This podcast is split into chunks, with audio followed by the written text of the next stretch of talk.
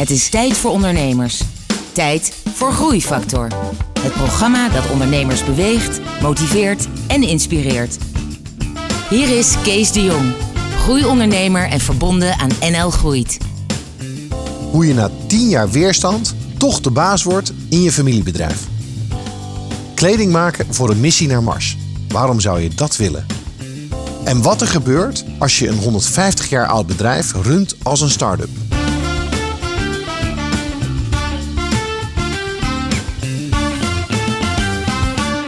Welkom bij deze nieuwe aflevering van Groeifactor. En vandaag spreek ik met Anna van Puijenbroek. Anna, welkom. Dank je. Uh, Anna, het bedrijf heet HAVEP. Ja. Uh, laten we beginnen met wat het bedrijf eigenlijk doet. Wij maken werkkleding en dan met name voor, uh, voor industrie en bouw. Um, dus je moet denken aan overals werkbroeken, echt het, het rauwe werk, zeg maar. Ja, voor de, ja, voor de bouw, eh, voor de tuinbouw, dat soort. Uh... Ja, ja, allemaal. Maar niet bijvoorbeeld wat wij niet doen, om even het verschil te maken, is uh, uniformen voor stewardessen. dat soort dingen doen wij niet. Dus het is echt de blue collar workwear. het moet bescherming bieden tegen vuil, tegen hitte, tegen brand, noem maar Ja. op, dat soort dingen. In die sectoren zitten wij. Oké, daar gaan we dit gesprek over hebben. Leuk. Maar eerst muziek van Danny Livingstone met Message to You, Rudy. Groeifactor beweegt ondernemers.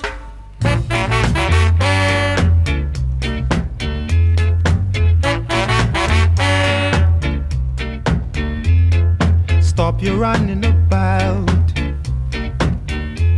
It's time you straighten right out. Stop your running around, making trouble in the town. Ah, Rudy, a message to you, Rudy, a message to you.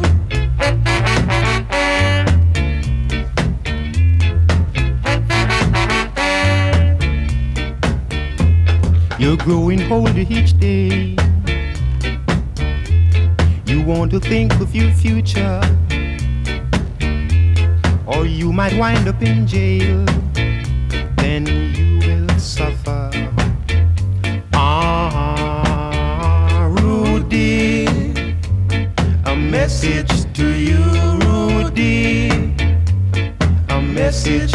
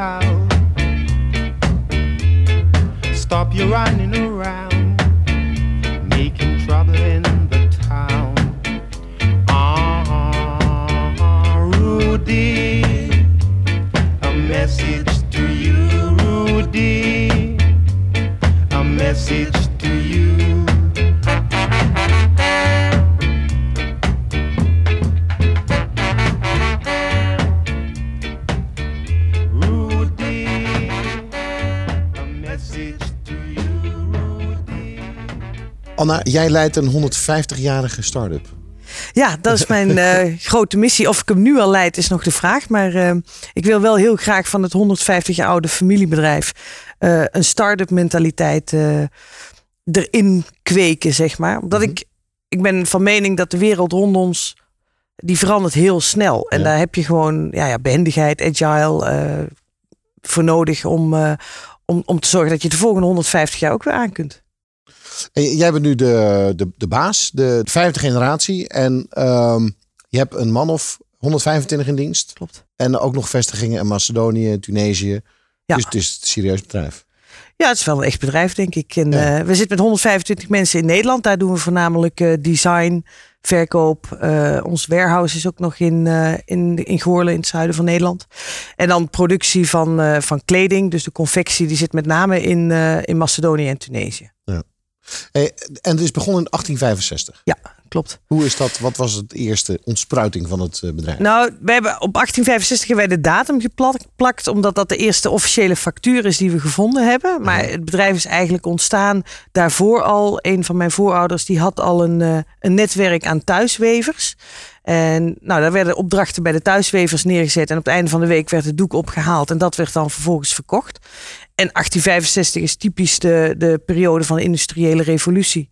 En toen zijn eigenlijk de stoommachines gekomen en werd het dus gecentraliseerd. En dat is een beetje de periode waar het bedrijf ontstaan is. En als ik het goed heb, is dat in die tijd in Twente voornamelijk heel erg ontwikkeld. Hè? Alle weverijen en de textielindustrie van Nederland. Ja, Twente is net iets eerder die, die regio dan eh, in, in zijn ontwikkeling van textielindustrie dan de regio rond Tilburg. Maar eigenlijk kende Nederland wel degelijk twee, eh, twee centra. Wij zitten dan meer rond de regio van Tilburg. En men zei altijd. ehm, dus ik heb altijd geleerd dat Twente was de katoen en in Tilburg zat de wol. Ehm, in on, dat klopt ook, er waren heel veel wolfabrieken. Wij, waren, wij hadden ook wel wol, maar we zijn inmiddels wel doorontwikkeld dat we juist in de katoen en de polyester zitten. Dus Oké. eh, die historie zijn we kwijtgeraakt. Oké, nou, heel belangrijk om te weten. maar eh, dat is nogal een lab van ontwikkeling. Kun je een aantal dingen in de ontwikkeling van het hele bedrijf noemen eh, die we interessant zouden kunnen vinden? Nou, er zijn een aantal zaken. Wij zijn natuurlijk begonnen als weverij. En dan zijn we vervolgens doorontwikkeld met het veredelen. En veredelen is dan het kleuren van eh, doeken. Het is het brandvertragend maken. Het edeler maken eigenlijk van je doeksoorten. Ehm, later hebben we ook nog een spinnerij. Dan zijn we ook begonnen nog met confectie. Dus we waren eigenlijk een volledig verticaal geïntegreerd bedrijf. Ja. Ehm, nou, dat is op termijn eh, niet houdbaar gebleken, tenminste niet in Nederland. En eh, zijn we eigenlijk meer naar voren geschoven, zeg maar, in de keten. Ehm, waar we dus eigenlijk alleen nog de confectie... Wij doen de design nog, de confectie nog. ehm, en, en de verkoop en het merk in de, in de markt. Dus we, zijn daar, daar hebben we wel een ontwikkeling van echt alleen maar productie naar ook veel meer de verkoopkant. Ja. En ik denk wat ook wel een hele belangrijke ontwikkeling is geweest, is natuurlijk het verplaatsen van de confectie vanuit Nederland naar steeds meer eh lage logenland. Ja. Ja. Ja. Ja. En eh, toen jij klein was, wat kreeg je daarvan mee toen je opgroeide? Ik kan me voorstellen als het al generaties in een familie heeft gezeten, dat dat wel een soort van eh, stempel drukt. Nou, behoorlijk. Eh, mijn, mijn twee grootvaders waren beste vrienden en die werkten alle twee in het bedrijf. Mijn ene grootvader van de Verpuimbroekkant was eh, directeur.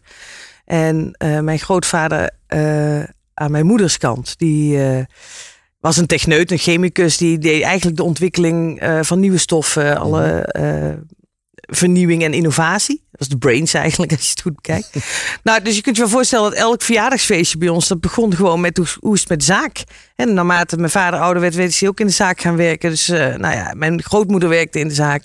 Eh, later is mijn moeder ook in de zaak gaan werken. Dus bij Ja. ons, eh, nou, ik heb het echt wel met paplepel ingegoten gekregen. En ik denk niet dat er een dag voorbij is gegaan dat we het er niet op een of andere manier over gehad hebben. En, en daarmee ook al de verwachting dat uiteindelijk wellicht jij, of misschien een, jij broers of zussen? Ik heb twee broers, ja, maar ik ben de oudste en het is kennelijk een oudste dingetje. Oké. Ja. Dus, dus dan ook al de verwachting en of de druk dat jij het vervolgens eh, zou Ja. gaan overnemen. Ja, heb ik me ook heel lang tegen verzet. Ehm, ik vraag, stel me wel eens de vraag of de, of de verwachting echt uitgesproken was, maar die was er natuurlijk wel. Ehm, maar ik heb altijd geroepen, ik ga dat niet doen. Ehm, ja, en ik denk dan een beetje bloed kruipt waar het niet gaan kan. En eh, ik heb eh, een jaar of tien in de ICT gewerkt. Ja. En ja, op een gegeven moment begon het toch te kriebelen. En heb ik mijn vader opgebeld en eh, gevraagd of ik mocht komen. Ja. Die viel, ja, die viel Maar, zo ongeveer van stoel af. maar maar die, voor, die tien jaar ICT, jij hebt nog wel een fashionopleiding gedaan? Of Nee, was dat pas later? Dat is pas later geweest. Oh, ja. Nee, ik heb werktuigbouwkunde gestudeerd in Leuven. In Leuven Ja. in België. Ja. En, en vanuit die ehm, eh, opleiding ben je naar de ICT gegaan? Ja. Of zat er nog iets tussen? Nee, er zat niks tussen. Nee, ik ben een beetje afgestudeerd in de tijd als je een computer kon aanzetten, mocht je in de ICT beginnen. Ja. En eh, nou, ik vind dat gewoon een heel leuk vak en dat, dat lag mij ook enorm, ligt me nog altijd heel goed. En eh, ja, daar heb ik met heel veel plezier gewerkt, ook heel veel geleerd. En ik vind het ook wel fijn om, daar heb ik ook wel natuurlijk een, een eh, evolutie gemaakt, carrière gemaakt. En eh, het is wel heel fijn om buiten de context van je eigen familiebedrijf en ontwikkeling door te maken. Dus als je een keer flink faalt, wat er gewoon bij hoort, dat dat ook niet meteen op de schijnwerpers is en moet dat nou directeur worden of zo. Ja. Ehm, en daar heb ik zelf wel weer heel veel van geleerd. Nou, in die tien jaar ICT, wat heb je daarvan geleerd wat je nu, wat je nu kan gebruiken in jouw, in jouw rol? Eh, ik heb leren leiding geven. Ehm, vanuit. Niet vanuit je naam, zeg maar. Dus niet vanuit de positie. ehm, je bent de dochter van of je bent familie van. Maar meer vanuit je eigen kracht. En je eigen valkuilen. En daar jezelf in ontwikkelen. En dat vond ik eigenlijk wel een hele belangrijke. Wat is het belangrijkste inzicht van leidinggeven dat jij hebt meegenomen? Eh, dat je duidelijk moet zijn in de richting die je wil opgaan. Ja. Wat, wat wij vandaag eh, heel sterk doen is, eh, we hebben eigenlijk twee dingen. We hebben een, een, een B-hack uitgezet hè, van, eh, nou ja, wat is dan het Inmiddels doel? weten de luisteraars wat het is. Dat is een Big Oh, Harry. Audacious Oh, ja, Goal. ja. Hè, de, een soort stip op de horizon. Een stip op de horizon. Nou, ik vind visie en missie namelijk altijd heel moeilijk. En om een of andere reden blijft voor mij die B-hack beter plakken. Dat hele kleine groene harige beestje waar je het dan allemaal om doet. Ehm, Hij is niet per se groen, hè, maar dat is. eh, Oh ja, in mijn hoofd. Sorry. In mijn hoofd is die groen. Nou, wat hebben wij gezegd? Ik wil heel graag dat HAVIP zo doorontwikkelt dat wij kleding kunnen maken die gebruikt wordt in de missie naar Mars. Dus wij hebben gewoon één grote poster waarin een Mars Ja. Martian staat. En daar hebben we een HAVIP logo opgeplakt. Jongens, daar doen we het voor. Die richting gaan we op. Dat is één. Twee is... Maar, maar nog nog even Ja? duidelijk, die, die missie naar Mars. ja, Met andere woorden, jullie willen werkkleding maken voor astronauten. Ja. Ja?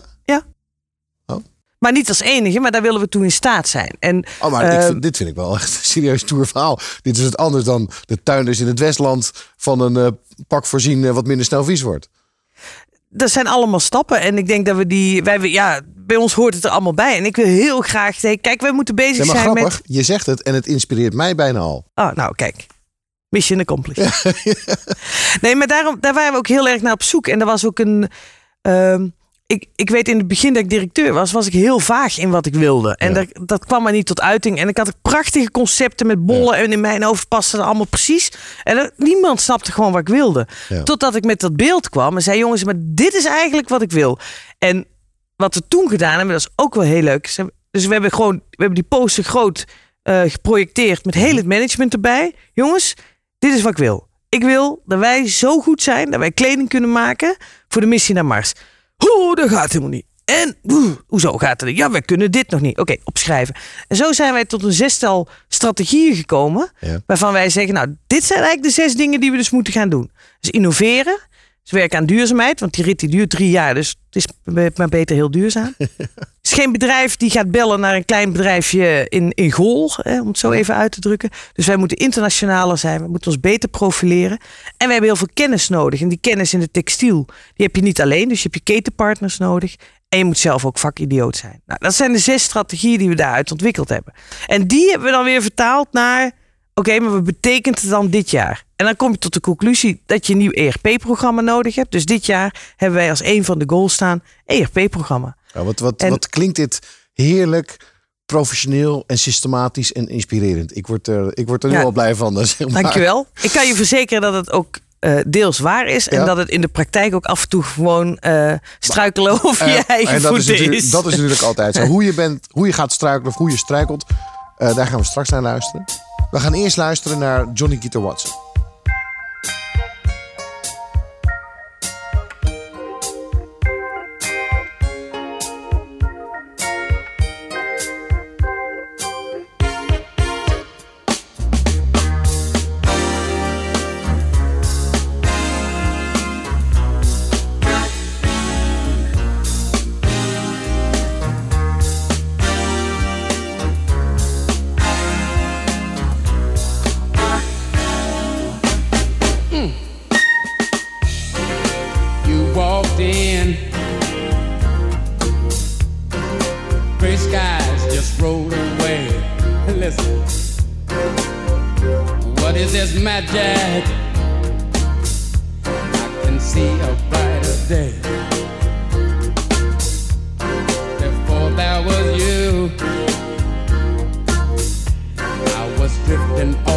Off in space.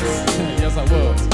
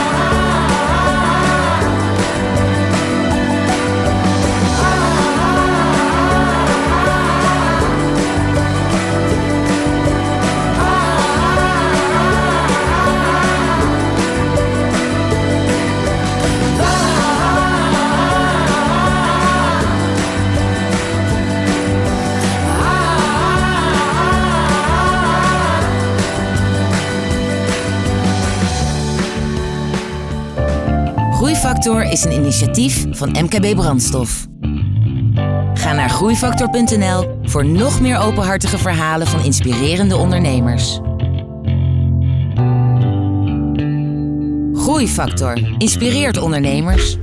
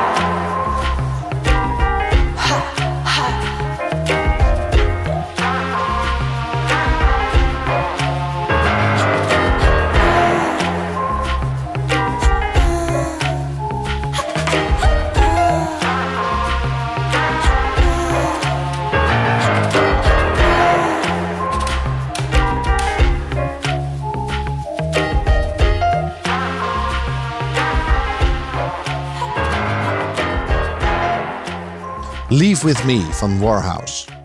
Ik ben in gesprek met eh, Anne van Puijenbroek eh, van het bedrijf HVEP. Eh HVEP, dat staat voor H, H van Puijenbroek. hè? Ja, voor Ha- Harry van Puijenbroek. Doopnaam Henricus, maar wij noemen hem altijd Harry. Gewoon. Ja, oké. Ik wil even terug in het verhaal. Eh, jouw tien jaar ICT. Daar heb je lering, lei- leren leiding geven. Daar heb je leren werken in een professionele organisatie. Ehm, maar je noemde dat je zelf hebt gebeld uiteindelijk naar je vader of naar het bedrijf. Van eh, ik wil er toch in. Wat zat daarachter?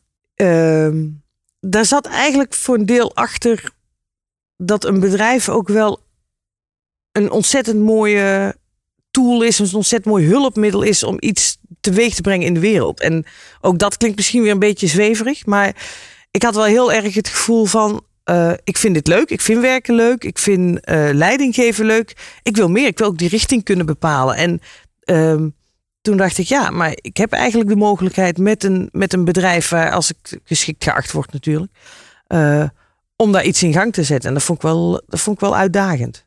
Want dat vond je niet binnen de ICT. Binnen de ICT dacht je, ja, dus het zoveelste projectje en het is wel...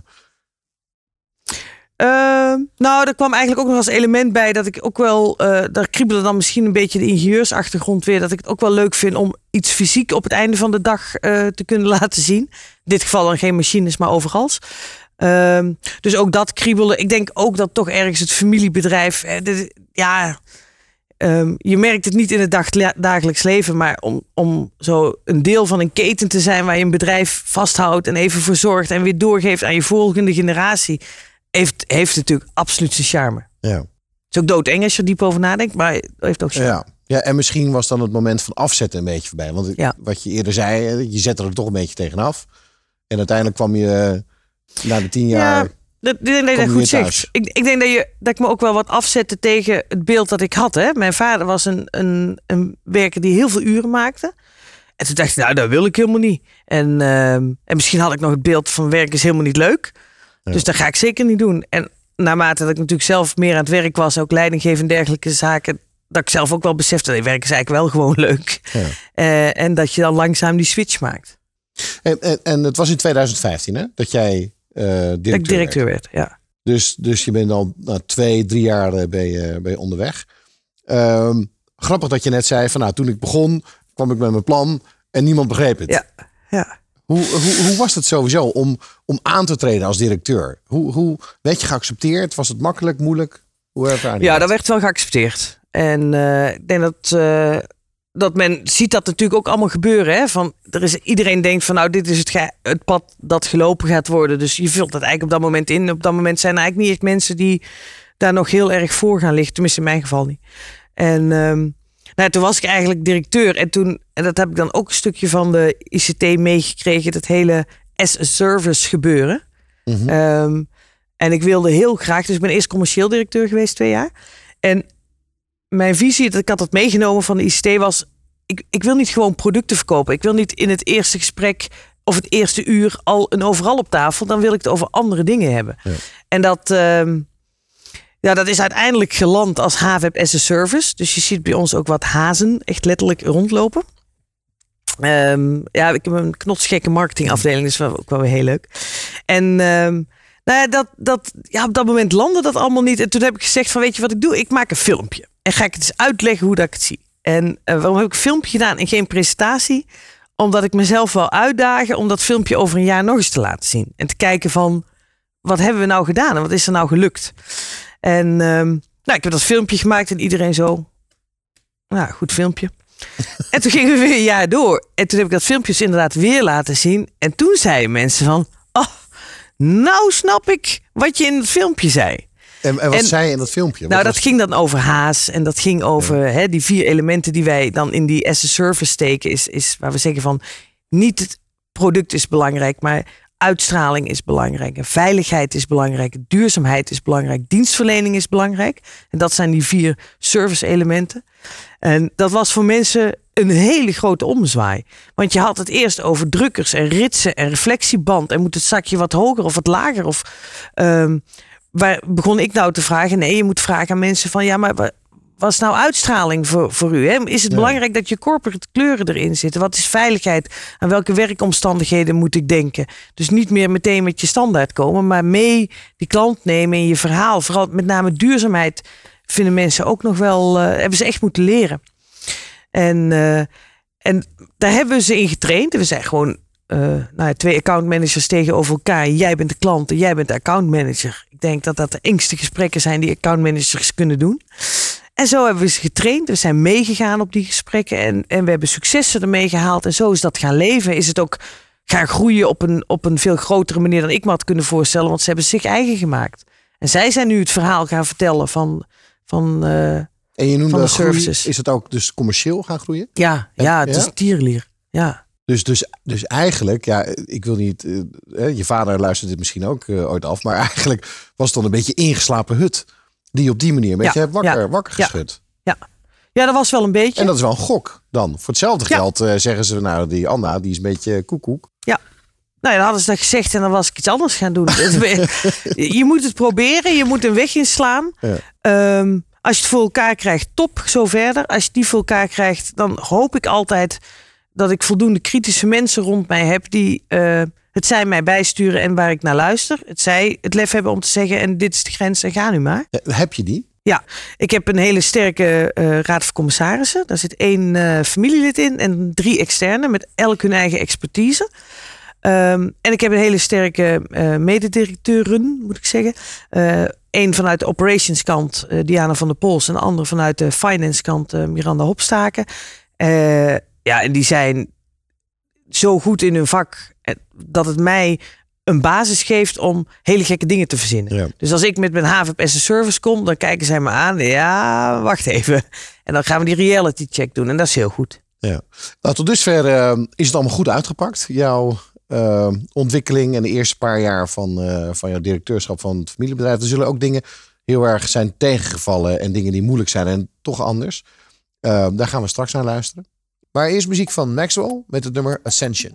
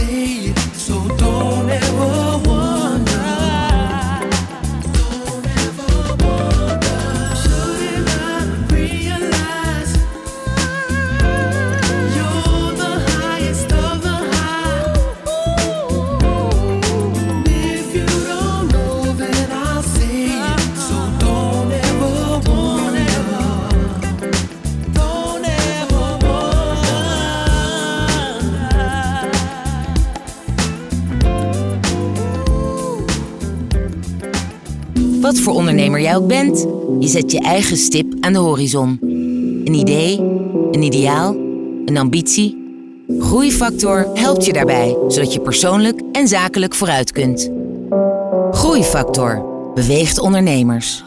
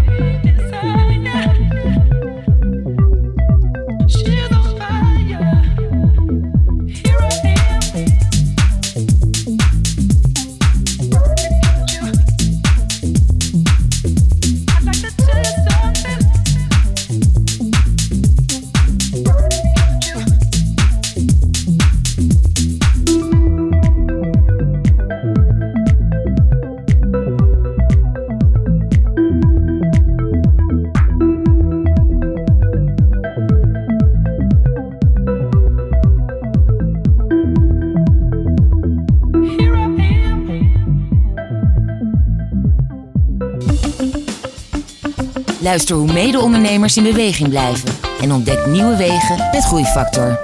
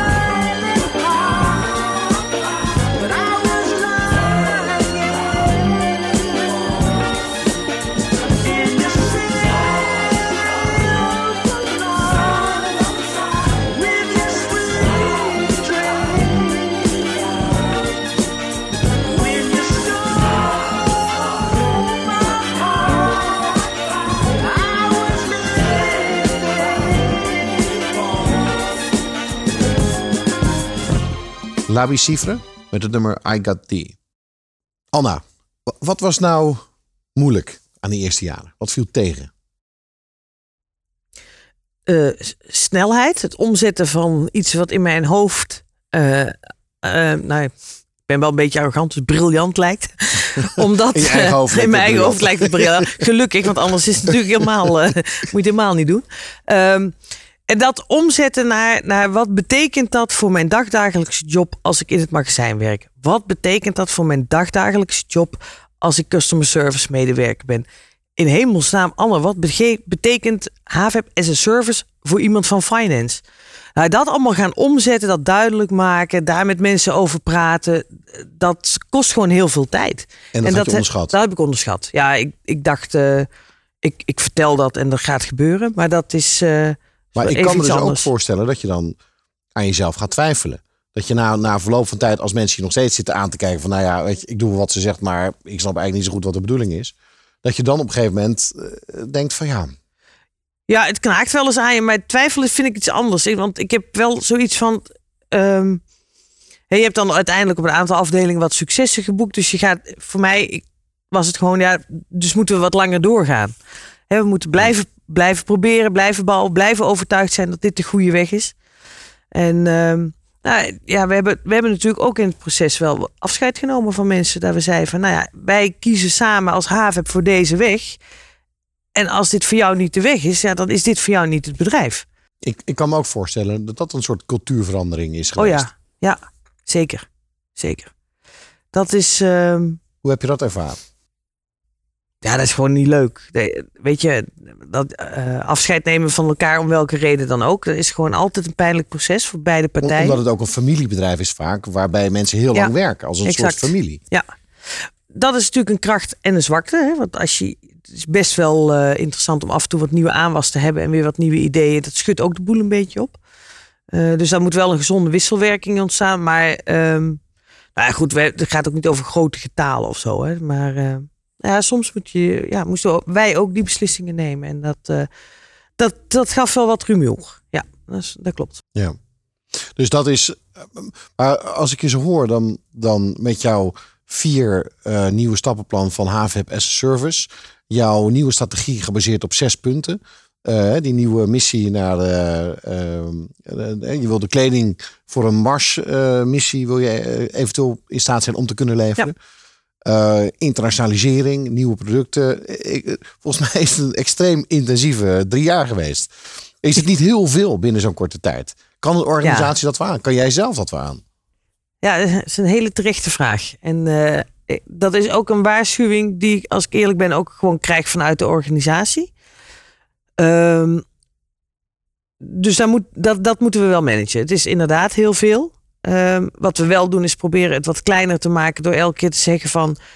Oké, we hebben wel die zes strategieën, maar eigenlijk hebben we voor dit kwartaal deze vijf punten die we willen doen. Ehm, hè, ik, ik noemde net al dat ERP-project. Als je niet wil zien dat dat ook bij die Mars-missie hoort, is het ook goed als dat ERP-project maar werkt. Ja. Ehm, en voor mij is dat een kader en voor sommige mensen is dat ook een kader om te zeggen van oké, we zijn echt ergens mee bezig, maar je kunt het ook kleiner maken. Maar het is soms wel, eh, ja, het is wel intensief en ehm, uiteindelijk hebben we het directieteam ook pas enkele maanden compleet, dus ik heb wel wat intensieve jaren achter de rug. Anderzijds ben ik wel heel erg goed in staat om de knop om te draaien. Dus ik kan wel eh, eh, een weekend gewoon, gaat de laptop echt niet open, dan eh, ehm, kijk ik niet naar de mails op mijn telefoon. Dus dan kan ik hem echt wel, eh, kan ik echt wel even helemaal afstand nemen. Maar, maar nu even niet, want jij kwam hier binnen in de studio met twee krukken. Ja, En dat, en dat komt door een andere exotische hobby van je. ja ik doe veel, eh, ik, ik doe aan skileren. Dus het, eh, het skaten met, in, met op wieltjes. Dus, dus verre vakanties, skileren, doe je daarnaast nog... Nee, daar was ongeveer wel, geloof ik, waar ik tijd voor heb. Oké. Ja. Ik zit natuurlijk voor werk ook een aantal keer in het buitenland. Dus dat slorpt ook heel veel op. En dan, eh, ik ben getrouwd. Dus ik heb, eh, ik heb ook wel tijd in mijn relatie aan mijn vrouw eh, te besteden. En zij heeft ook een hele drukke baan. Dus wat dat betreft hebben we natuurlijk voor het werk wederzijds wel, wel begrip daarvoor. Mhm. Maar je- het maakt wel dat je echt concreet moet managen van oké, nu, daarom moet ik ook die weekenden blokken. Ja. Dat je zegt van ja, dit weekend is gewoon voor ons. Ja. En jullie wonen in België? Ja. Ik woon al heel mijn leven in België eigenlijk, sinds mijn achtste of zo. Oké. ehm, heel veel ondernemers die je ken, die gaan, en die beginnen dan ook in België. En ze komen allemaal terug met het is, dat- het is zo moeilijk. Het is eh, Ja, eh, snap de, ik. de cultuurverschillen. En, en uiteindelijk komen er heel veel weer terug met rassenstreden terug op hun initiatieven Ja. in België. Ja. Kan je kort uitleggen wat nou de meest gemaakte fouten zijn die wij Nederlanders in België doen vanuit een zakelijk perspectief? Wat, wat- Oeh, fout. Wat ik ervaar is, ik woon natuurlijk zelf heel erg lang in België en daar- daardoor ken ik de cultuur zelf wel heel goed. Ehm, wat ik heel erg ervaar is dat men ehm, eigenlijk Nederlanders niet vertrouwt. Want Nederlands kunnen veel te goed praten. Dus daar zal wel een hoop eh, afgedekt worden. Dus je moet je verhaal waar kunnen maken. Wat wij heel versterkt merken is dat wij... Wij halen Belgische klanten naar Goorlen toe. Maar sterker nog, we, halen ze, we brengen ze ook naar de ateliers. Ga maar kijken. Bij ons is het in orde als het gaat over arbeidsomstandigheden. Als het gaat over veiligheid. Dus ga kijken, want het is geen verhaal. Het is echt zo. Ehm, en het tweede is dat je eh, een veel hiërarchische relatie hebt dan in Nederland tussen klant en leverancier. En de klant is echt de baas. de klant is echt Ja, de en baas. in Nederland is niemand de baas. Nee. En dan ga je. Nou, even om, om een onderscheid te maken. Toen ik in. ehm, eh, toen ik in de ICT werkte, was ik op een gegeven moment ook eh, een tijd support engineer voor zowel Nederlandse als Belgische klanten. En Belgische klanten belden vaak op van. eh, ja, jij hebt een, wij hebben een probleem, hoe ga jij dat oplossen? En Nederlandse klanten die bellen van, goh, er is hier iets aan het gebeuren, hoe kunnen we dat samen oplossen? Ja. En dat is een beetje ook de verhouding en daar moet je, daar moet je respect voor hebben. Daar hoef je niet volledig in mee te gaan, maar je moet wel weten dat het bestaat. Je kunt er niet zomaar met de stormram binnengaan en dat die hele hiërarchie onderuit halen, want dan gaat het niet Maar, werken. eh, maar als je in België dus de baas bent, is het wel makkelijker, want dan ben je gewoon de baas.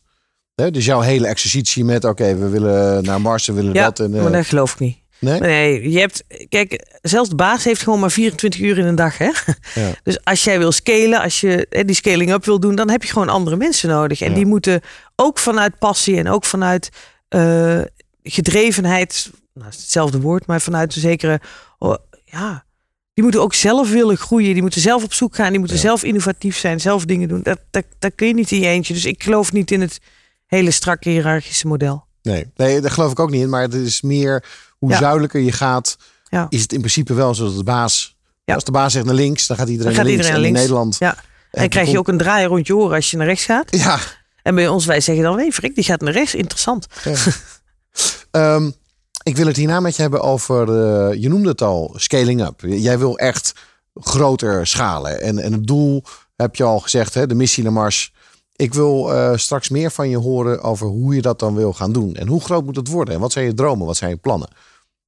En eerst luisteren naar muziek. Hall Notes met het nummer I Can't Go For That.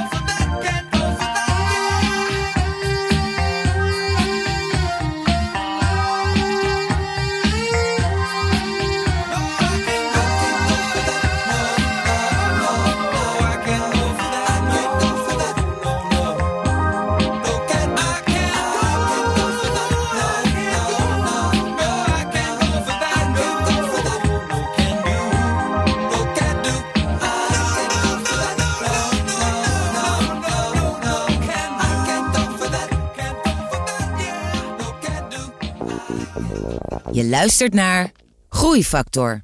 Het inspiratieplatform dat ondernemers beweegt, motiveert en inspireert.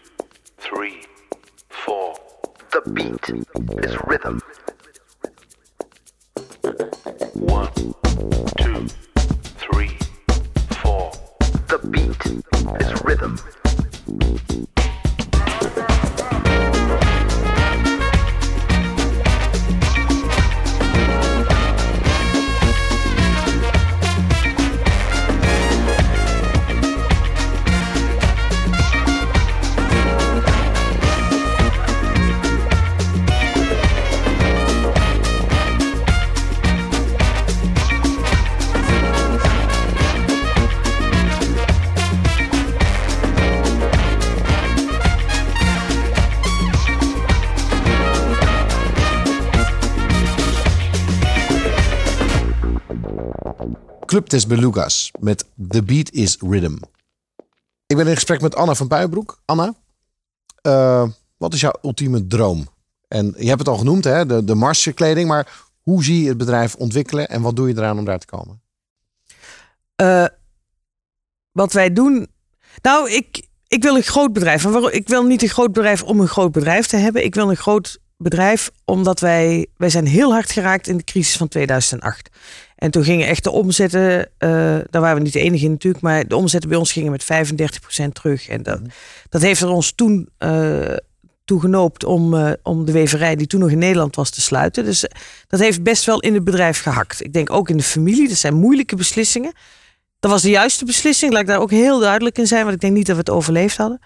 Maar omdat wij zo eenzijdig afhankelijk waren van die Nederlandse markt. En van die industriesector en die bouwsector. eh, ja, gaat het gewoon in één keer hard. Dus je moet gewoon gaan diversifiëren. En ehm, ik wil graag diversifiëren met behoud van wat we vandaag al hebben. Ja. Ehm, nou, dus hebben we gezegd, eh, het, het- dus gaan we groeien. Ehm, ik denk ook dat het kan om te groeien. Ehm, dus een stabiele bedrijf maken. Maar ik heb ook nog een andere, een beetje een passie. Die hebben we dan ook weer met één slogan. Ik heb wel veel slogans, hè? Nou, Maar iedereen met de glimlach naar zijn werk. Dat is eigenlijk bij ons ook waarom ik dingen wil doen. En waarom is dat zo belangrijk? Want de meeste mensen zeggen, ja, iedereen wil wel met de glimlach naar zijn werk. Dat klopt. Maar wij leveren dan ook toevallig nog eens werkkleding. Dus als wij kunnen zorgen dat jij in die kleding je prettig voelt op je werk, check. Ehm, wij werken natuurlijk ook met klanten, met leveranciers, met retailers, noem maar op. Nou, daar wil je die dienstverlening aanbieden, zodat men daar ook met de glimlach naar werk gaat. Wij zelf is heel belangrijk. Maar met name de textielindustrie zelf. Hè? Dat, is, dat is wel een sector waar we, als we diep naar onszelf kijken, in de laatste decennia, eeuwen, eh, niet heel goed met elkaar zijn omgegaan. Er zijn lage lonen, er is kinderarbeid, er is misschien zelfs slavernij. Eh, nou, daar wil ik niet aan meewerken, dat wil ik veranderen. En ehm, dat is eigenlijk ook nog wel een hele grote missie van ons. Om echt, nou, wij noemen het, dit scharen wij onder duurzaamheid. Eh, maar ook om echt gewoon de wereld een stukje te verbeteren. En die textielketen, gewoon ervoor te zorgen dat iedereen in de textielketen die werkt voor ons, die kan daarvan leven. Dus eerlijk en duurzaam. Ja. Ja. En als jij straks stopt over 20 jaar of 30 jaar, hè, je geeft het aan, aan, aan de volgende generatie door. Hoe ziet het er dan uit? Nou, je zei net, hoe groot, toen ik begon hebben we gezegd, we willen van 30 naar 60 miljoen. Oké. Nou, daar zitten we in ieder geval al goed op schema. Oh, sorry, die had, had ik even gemist. Dus nee, nee, nee, maar die heb ik ook nog niet verteld. Oh, maar die, nou, man. dus is, die eh, van 30 naar 60 miljoen op, op vijf jaar tijd. Dus eh, dat, is, dat is redelijk uitdagend. Dus daar moet je wel even aan. in dan- vijf jaar, dat is Ja. serieus. Nou, Ja. Dat is wel klussen. ja, maar daar word ik wel warm van. Dat is wel een mooie. ja, ja, en die is ook echt. eh, we kunnen niet op onze lauren rusten. Dat, we zitten op schema zoals we het hebben uitgerekend. Check. En je hebt het ook Maar- opgeschreven of een filmpje Ja. van gemaakt. Ja. Het li- ligt al vast. Het ligt allemaal vast. Dan is helemaal stoer. Ja, we hebben eh, een visiedocument voor, eh, voor vijf jaar, waar, waar dit soort dingen dan in staan. Ja. Eh, en die eigenlijk een invulling geven aan die zes punten die ik eerder zei. Ja. Ehm, nou, waar we over vijf jaar ook staan, is dat de omzet in, in Duitsland even groot is als die in Nederland. Dat wil ik gewoon echt bereiken. Ja.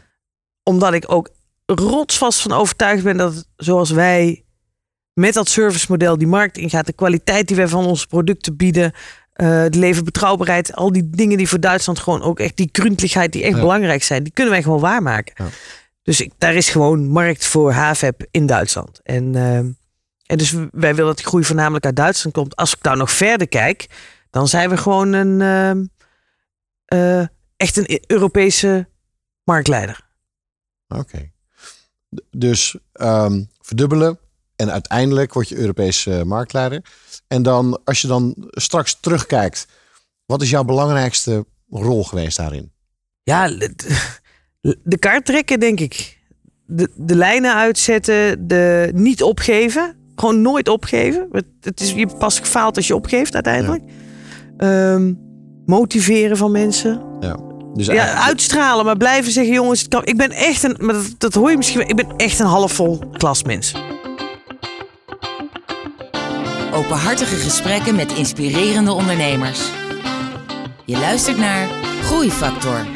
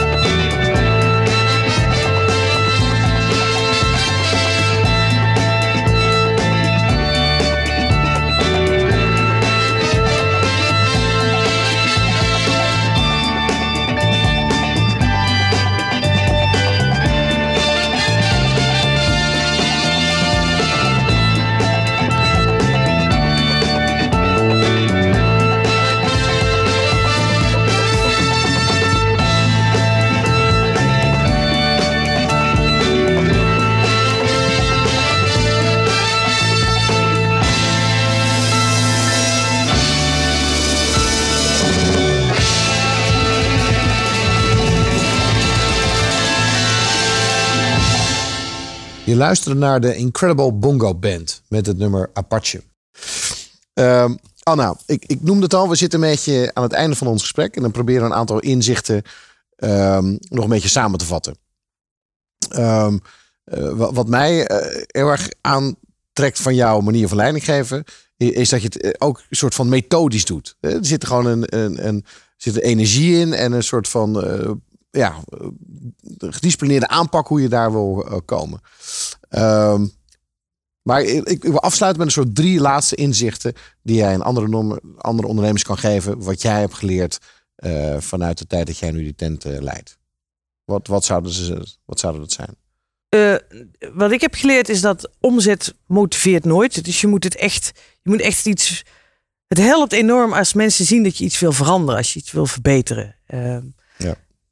Eh, En- En, Heel goed. Want dat is een veelgemaakte fout. Dat mensen ja, denken dat omzet hun medewerkers motiveert. nee, dat zegt niemand wat. Nee, nou, in het, erger nog, dan denken ze, oh, moeten we nog meer werken? Moeten we nog harder Ja. werken? Ja, ja, vaak, vaak is dat de, de conclusie. Oké, heel Ehm, goed. Omzet motiveert niet. Nee, een andere. ehm, zet die stip aan die horizon. Dat is dan Mhm. ook wel een dooddoener. Maar hè, voor ons is de stip aan de horizon dat beeld van die, van die marsen, van die, eh, van die marskleding. Zoek zoiets. En eh, dat heb je niet op een week tijd. Daar hebben wij ook echt nou, beelden en samen biertjes drinken. En de meest gekke ideeën zijn eruit gekomen. Ja. Uiteindelijk is dit geworden. Eh, als je daar aan vast kan houden, dat niet opgeven, dat bedoel ik eigenlijk Ja. meer. eh, dan komt het er ook. Oké, maar en, en die vind ik sterk, ook omdat hij gecorreleerd is aan, aan één. Weet je, als je zou zeggen, we moeten 100 miljoen doen, ah, dat geeft toch een andere, energie, nee. andere energie dan dat je zegt, oké, we willen eh, het, het ruimtepak leveren. Hè, qua, want dat betekent inderdaad zoveel. Dus, dus die inderdaad eh, vind ik inderdaad enorm sterk. Nou, dan hebben we nog een derde, een soort bonuspunt. Ja, welke, we hebben het daar in het interview niet over gehad, maar wat ik een, een van de krachtigste managementmodellen vind van de afgelopen tijd is die, eh, die Why, How, What van Simon Sinek. Ehm, die hebben wij ingevuld. de Golden Circle. De Golden Circle. Eh, voor ons is die eh, het centrum waarom mensen met de glimlach naar, naar het werk. Die how is duurzaamheid, dienstverlening, uitstraling en veiligheid. En what is voor ons vandaag de dag nog werkkleding. Eh, dat heeft bij ons het hele manier van, van je klanten benaderen omgedraaid. Dat heeft onze marketing helemaal op zijn kop gezet. Dat heeft de manier waarop mensen zelf naar hun eigen job kijken op zijn Ja. kop gezet. Ehm, dat zet mij af en toe in de vervelende positie dat mensen mij echt confronteren. Anne, ik ga nou al zo lang niet met mijn plezier naar mijn werk, omdat dit en dit. Het maakt het dus heel begrijpbaar. Mensen kunnen me aanspreken. Ja. Eh, en dat maakt het heel krachtig. En ja, die oefening met z'n allen doen. Weer met boodschap doe je niet op een middag. Eh, ja, heeft, heeft bij ons heel veel teweeggebracht. Nou, dat lijkt me dan een, eh, een mooie uitsmijter. En, ehm, en, een, en een mooi einde van dit gesprek. En nogmaals, ehm, ik vind het een super leuk gesprek. Vind jou ook super leuke vrouw. Met een, met, een mooi, met een mooi verhaal.